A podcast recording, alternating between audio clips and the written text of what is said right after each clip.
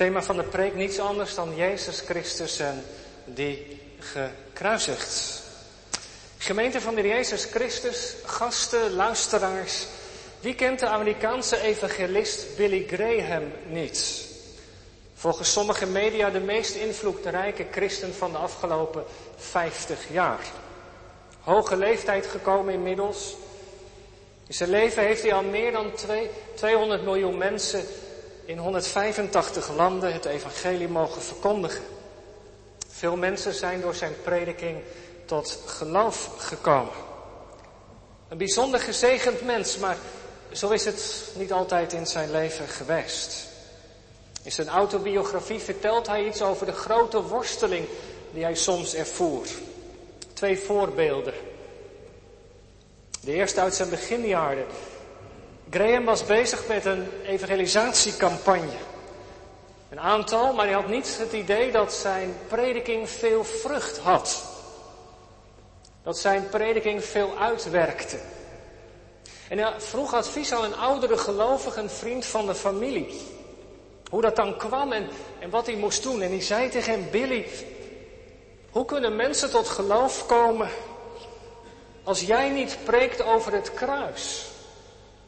Waar Jezus stierf voor ons. You must preach about Jesus and the cross, Billy. Je moet over Jezus en het kruis preken.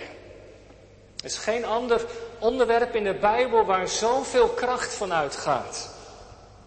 En het tweede voorval, jaren later, Billy Graham was uitgenodigd om op de Universiteit van Cambridge een aantal toespraken te houden.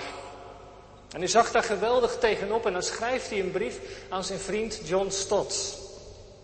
Ik voel me totaal ongeschikt om in Cambridge het evangelie te verkondigen. Maar hij had ja gezegd.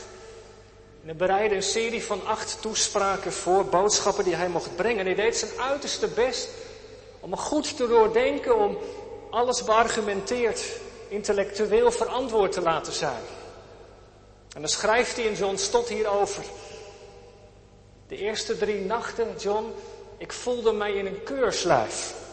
Er gebeurde weinig. Er kwamen wel mensen, studenten luisterden, maar, maar er kwam, de boodschap had niet veel geestelijk effect. En toen ben ik John op de knieën gegaan en toen heb ik aan God mijn onbekwaamheid beleden om daar het evangelie te brengen. En toen ik had gebeden, wist ik het. De avond erna gooide ik mijn papieren weg en ik preekte eenvoudigweg over Jezus en het kruis. En die nacht kwamen 400 studenten tot geloof. You must preach about Jesus and the cross, Billy. Je moet over Jezus spreken en het kruis. Als de apostel Paulus in de grote stad Korinthe komt, is dat ook zijn vaste voornemen. Ik heb mij voorgenomen over niets anders te hebben, niets anders onder u te weten. 1 Korinthe 2 vers 2 dan Jezus Christus en die gekruisigd. Het klinkt misschien wat vreemd in de oren, niets anders te weten. Maar dat Griekse woord eidenai, dat heeft met het Hebreeuwse yada te maken, intieme omgang hebben met. Niets anders weten dan Jezus Christus betekent voor de apostel Paulus dat hij helemaal van Jezus vervuld is. Dat er niets en niemand is die hem te boven gaat. Niets anders weten is geen ander verlangen hebben dan Jezus kennen, dan Christus te kennen en bekend te maken. Dat is mijn passie, zegt Paulus, daar leef ik voor. En zo kennen we de apostel ook uit zijn brieven. Waar hij zich ook bevindt, met wie hij ook spreekt, Steeds weer gaat het over Jezus. Je zou kunnen zeggen, hele denken, het voelen en willen van de apostel heeft één concentratiepunt. Jezus en zijn kruis. En dat opvallende aan de tekst die vanmiddag centraal staat, is dat apostel Paulus zegt, ik heb mij voorgenomen. Maar in het Grieks staat het er nog sterker. Paulus zegt letterlijk, ik heb besloten de beslissing genomen om het over niemand anders te hebben dan Jezus en over het kruis. En waarom zegt de apostel dat? Ik heb besloten, nou hierom. Dat heeft met de harde leerschool van de praktijk te maken. Toen ik bij u kwam, schrijft de apostel in vers 1. Even daarvoor was de apostel in Athene geweest. Athene en Korinthe waren maar een paar mijl van elkaar verwijderd. En deze twee steden waren in die tijd de grootste centra van kennis en wetenschap, van filosofie en architectuur, die de wereld kende. Vanuit de hele toenmalige wereld trokken de mensen naar Athene en Korinthe toe. Want als er iets nieuws was, kon je het daar vinden. Er waren sprekers die rondreisden, die daar hun ideeën ventileerden en opvattingen deelden. En alles daar wat nieuw was, dat was per definitie goed. Interessant. En het past in het verlangen van de apostel, zoals hij door de Heer Jezus is geroepen, om juist ook die plekken, die strategische plekken te bezoeken. Om ook daar het evangelie van Jezus te brengen. Want de Heer Jezus is niet zomaar een man uit Nazareth. Hij is de Heer van de wereld. En zo komt Paulus in Athene. Bezoekt de synagoge, gaat in gesprek met de Joden daar over Jezus die de Messias is. En dan, als hij dan in de stad verblijft, wordt hij ook uitgedaagd, uitgenodigd om op de Reopagus het evangelie te brengen. En dan loopt hij door de stad, zit hier een tempel, daar een tempel. Zijn geest wordt geprikkeld, vertelt Lucas. Dan komt hij daar ergens het altaar van die onbekende God tegen. Een ongebruikelijk altaar eigenlijk. Want u moet weten dat 150 jaar eerder in de stad Athene getroffen was door een grote aardbeving. De goden bleken boos te zijn, maar welke? Zo heeft men offers gebracht. Men wist niet welke God vertorend was.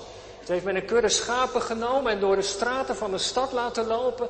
En elke keer waar een paar schapen gingen grazen, bij die tempel werd een offer gebracht. Jupiter, Mercurius.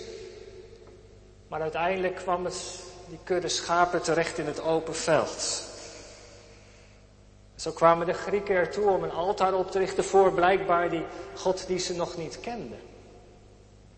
En als Paulus op de Areopagus komt, dan gebruikt hij dat als aanknopingspunt. Hij probeert als het ware zoveel mogelijk in de huid van de mensen daar te kruipen. Hij citeert de filosofen en dichters. Hij spreekt over die onbekende God die de hemel en de aarde gemaakt heeft. En die de mensen en de mensheid rechtvaardig zal oordelen. Maar als Paulus dan komt bij wat voor hem het hart is van, van de zaak. Als hij het hebben, wil hebben over het christelijk geloof, dan wordt hij afgekapt. Mensen spotten en ze gaan er vandoor. En als je Handelingen 17 goed leest, dan, dan valt dat in ieder geval op.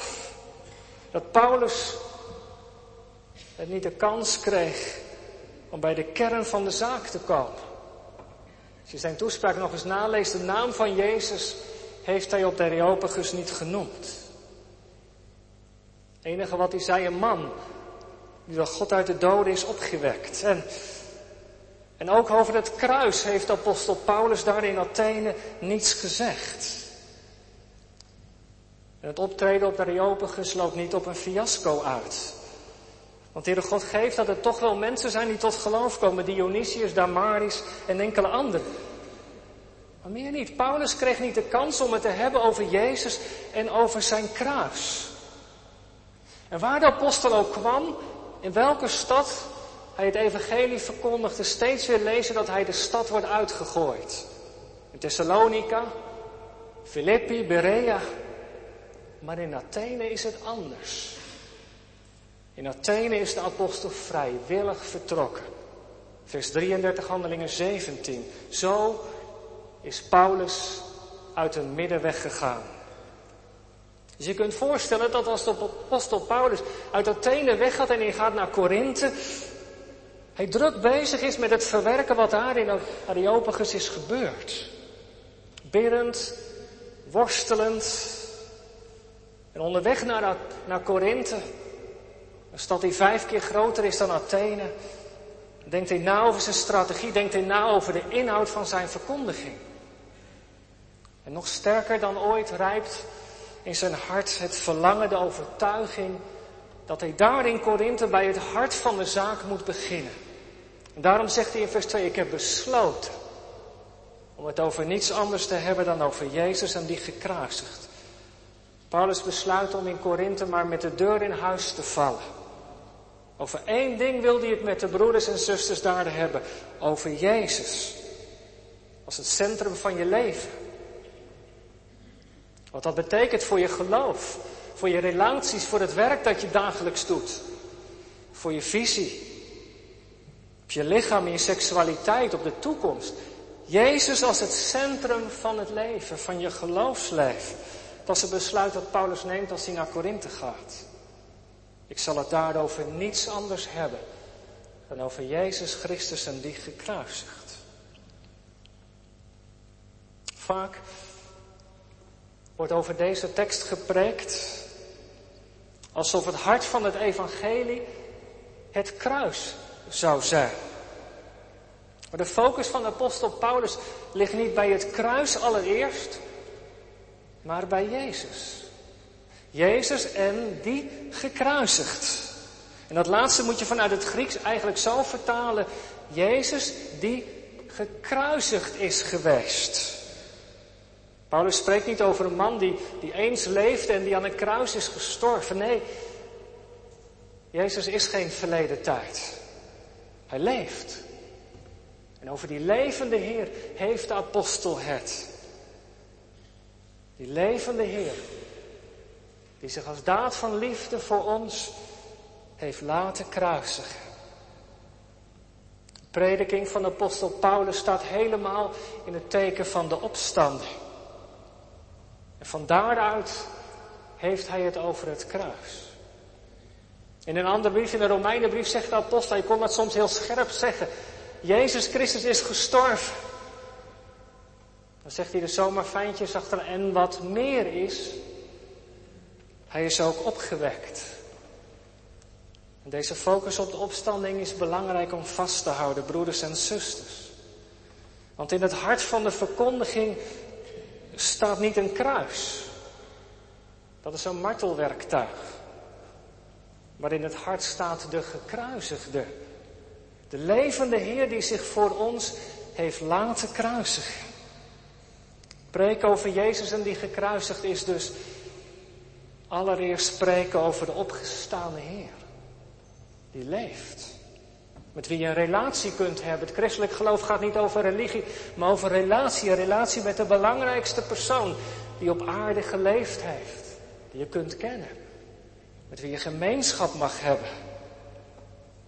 En dat was wat mij ook trof. In de profielschets die ik van Gouda kreeg. Daar stond dit.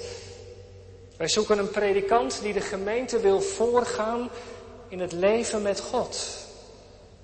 In het leven met Christus. En daar ligt voor mij denk ik ook het hart van mijn bediening. Als ik terugkijk naar de jaren dat ik in Chili en in woorden heb mogen werken.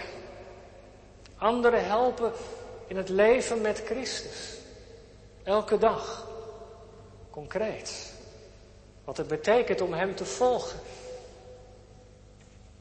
Voor je leven, je gezin, je werk, je studie, je relaties. Wat het betekent voor ons als gemeente dat de Heer Jezus leeft en dat Hij de Heer is van Zijn kerk. Hoe we Hem vandaag kunnen dienen. Hoe we met elkaar op Hem gericht kunnen blijven. Wat het betekent als kerkraad voor onze manier van besluiten en hoe we de dingen doen. Hoe we kunnen luisteren naar zijn stem, zoals we vanmorgen hoorden. Geloof, zijn relatie met een levende Heer. En daar wil ik u bij helpen, dat zie ik als mijn roeping in uw midden, om u elke keer daar weer toe uit te nodigen. Als die vinger van Johannes de Doper, glas 6, dat ook uit afgebeeld stond op de de kaart van de uitnodiging, u kent deze afbeelding natuurlijk veel beter dan ik. Toen de voorzitter Ad bij ons thuis de beroepingsbrief kwam overhandigen, had hij een afbeelding van glas 6 van Johannes de Doper er aan toegevoegd. Die vinger die wijst naar het lam.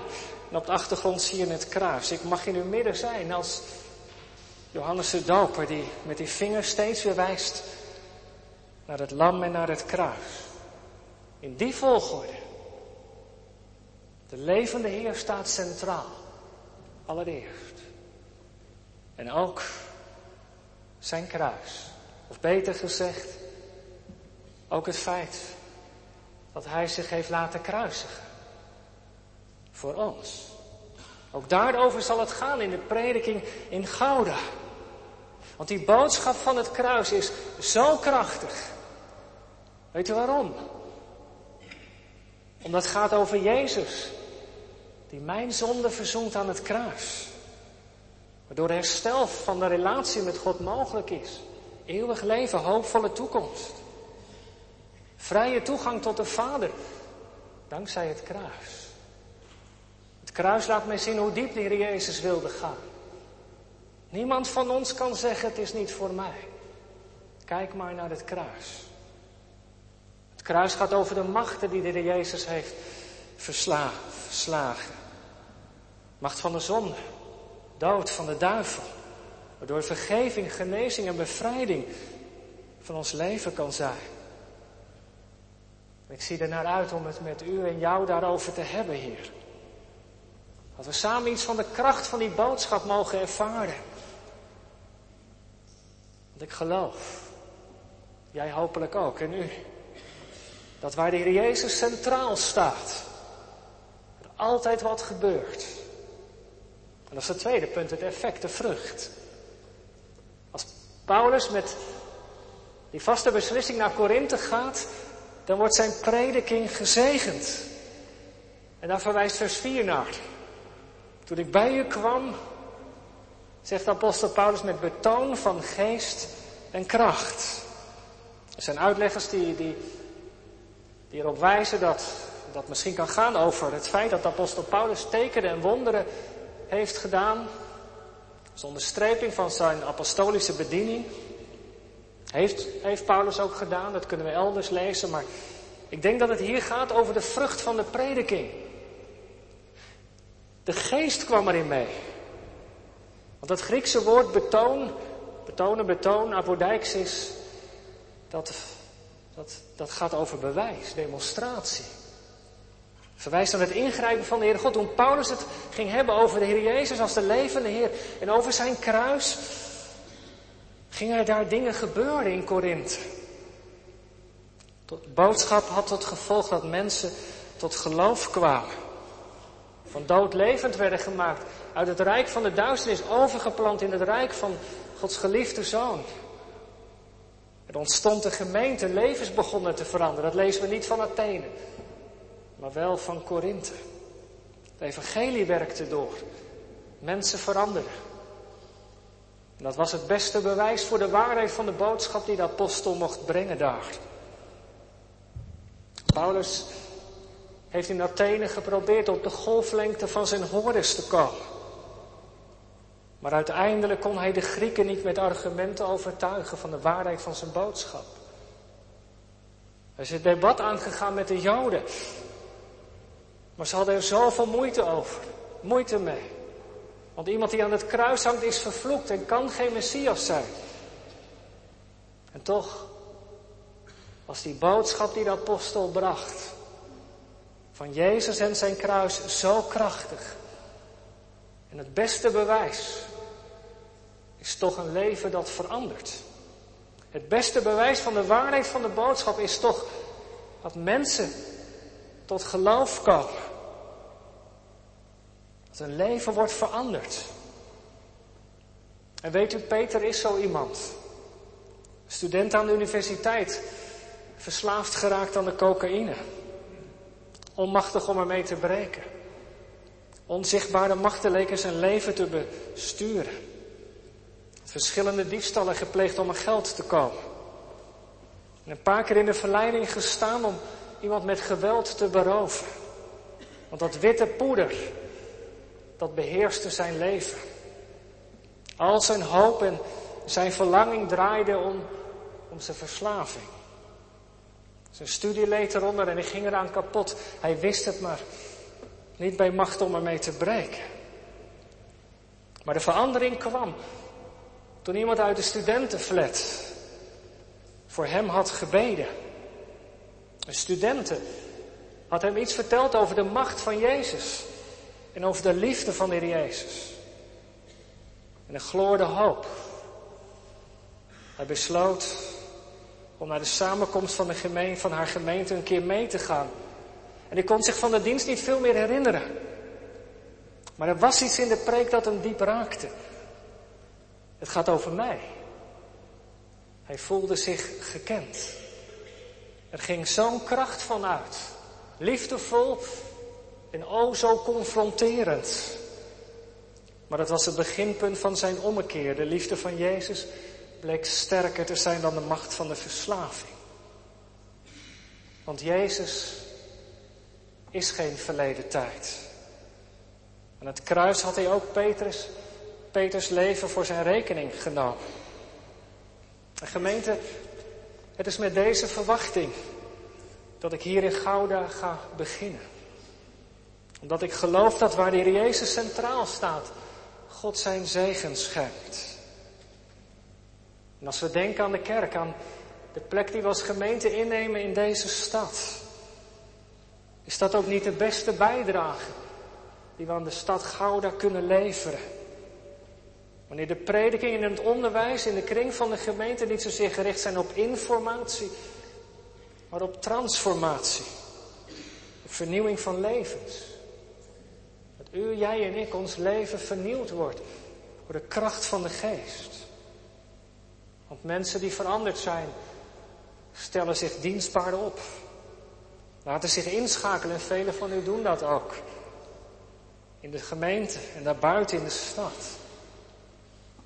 Zijn mensen op wie de Heer, mensen op wie anderen kunnen rekenen. Het vallen en opstaan, ja dat ook. Maar toch, hoe meer de geest ruimte krijgt, hoe meer ruimte er komt, een verlangen om te dienen. Ook deze stad dienstbaar te zijn. Diaconaal, missionair, pastoraal, welk ander gebied dan ook. Mogen we tot zegen zijn. Voor de mensen om ons heen. Voor deze stad. Paulus. Ik heb besloten het over niets anders te hebben dan over Jezus en zijn kruis. En God zegende die boodschap. Maar nu lezen we ook nog iets van de apostel over zijn houding. Hij zegt tenslotte, en dat is het laatste punt, toen ik bij jullie kwam, broeders en zusters, kwam ik bij jullie in zwakheid, met veel vrees en beven. Zag de apostel er misschien tegenop om in Korinthe te gaan werken, grote stad? Ja, daar zag hij tegenop. En in Handelingen 18 lezen we dat de Heere God hem in de nacht speciaal bemoedigt. Paulus vreest niet. Spreek en zwijg niet. Paulus als dienaar van God ook maar een gewoon mens. En soms kun je in je werk geweldig tegen dingen opzien, dat doe ik ook. Maar ik denk dat Paulus nog iets anders wil zeggen. Ik denk dat dat vrees en beven ook hiermee te maken heeft. Hoezeer de Heere God hem ook gebruikte, hij had het niet in zijn vingers. Elke keer weer was het voor de apostel een waagstuk. Om het over de Heer Jezus te hebben en over zijn kruis. Het waagstuk van de prediking. Het is ook een waagstuk. Zomaar in het diepe te springen, zo zie ik mijn werk in uw midden ook. Het, ja, het is wel spannend. Zoveel mensen, zoveel dingen die er gebeuren, zoveel verschillende levens. Hoe ik u kan dienen met, vanuit het woord van God, vind ik spannend. Geroepen? Ja, ook. Verwachting? Jazeker. En toch heb ik het ook niet in mijn eigen vingers. Ik ben van de Heer afhankelijk. Hij die mij geroepen heeft. En als Hij er niet in meekomt, als Hij zijn zegen niet geeft, te vergeefs bouwen en ploeteren wij. We werden er vanochtend bij bepaald. U, jij en ook ik. Wij moeten ons oor elke morgen weer bij de Heer te luisteren leggen. Heer, wat wilt u? Zo mag u ervan uitgaan dat ik op mijn knieën lig voor u. Heer, wat wilt u tegen deze gemeente zeggen? En dat wat ik hoor, dat zal ik maar aan u doorgeven. Dat is mijn roeping. Om vanuit mijn persoonlijke omgang met de Heer, u als gemeente te dienen. Met woorden van God. En daarom vraag ik van, vanmiddag ook uw gebed. Ik ben geen schaap met vijf of zes poten. Heb die verwachting alstublieft niet. Maar ik ben door de Heer geroepen om dienaar van zijn woord te zijn. En dat is mijn passie. En dat is ook mijn roeping. Bid ervoor dat de Heer dat zegent. En dat wij als dienaren ook op Hem gericht blijven in alles wat er op ons afkomt. Tot slot keer nog even terug naar Billy Graham, waar ik de preken mee begon.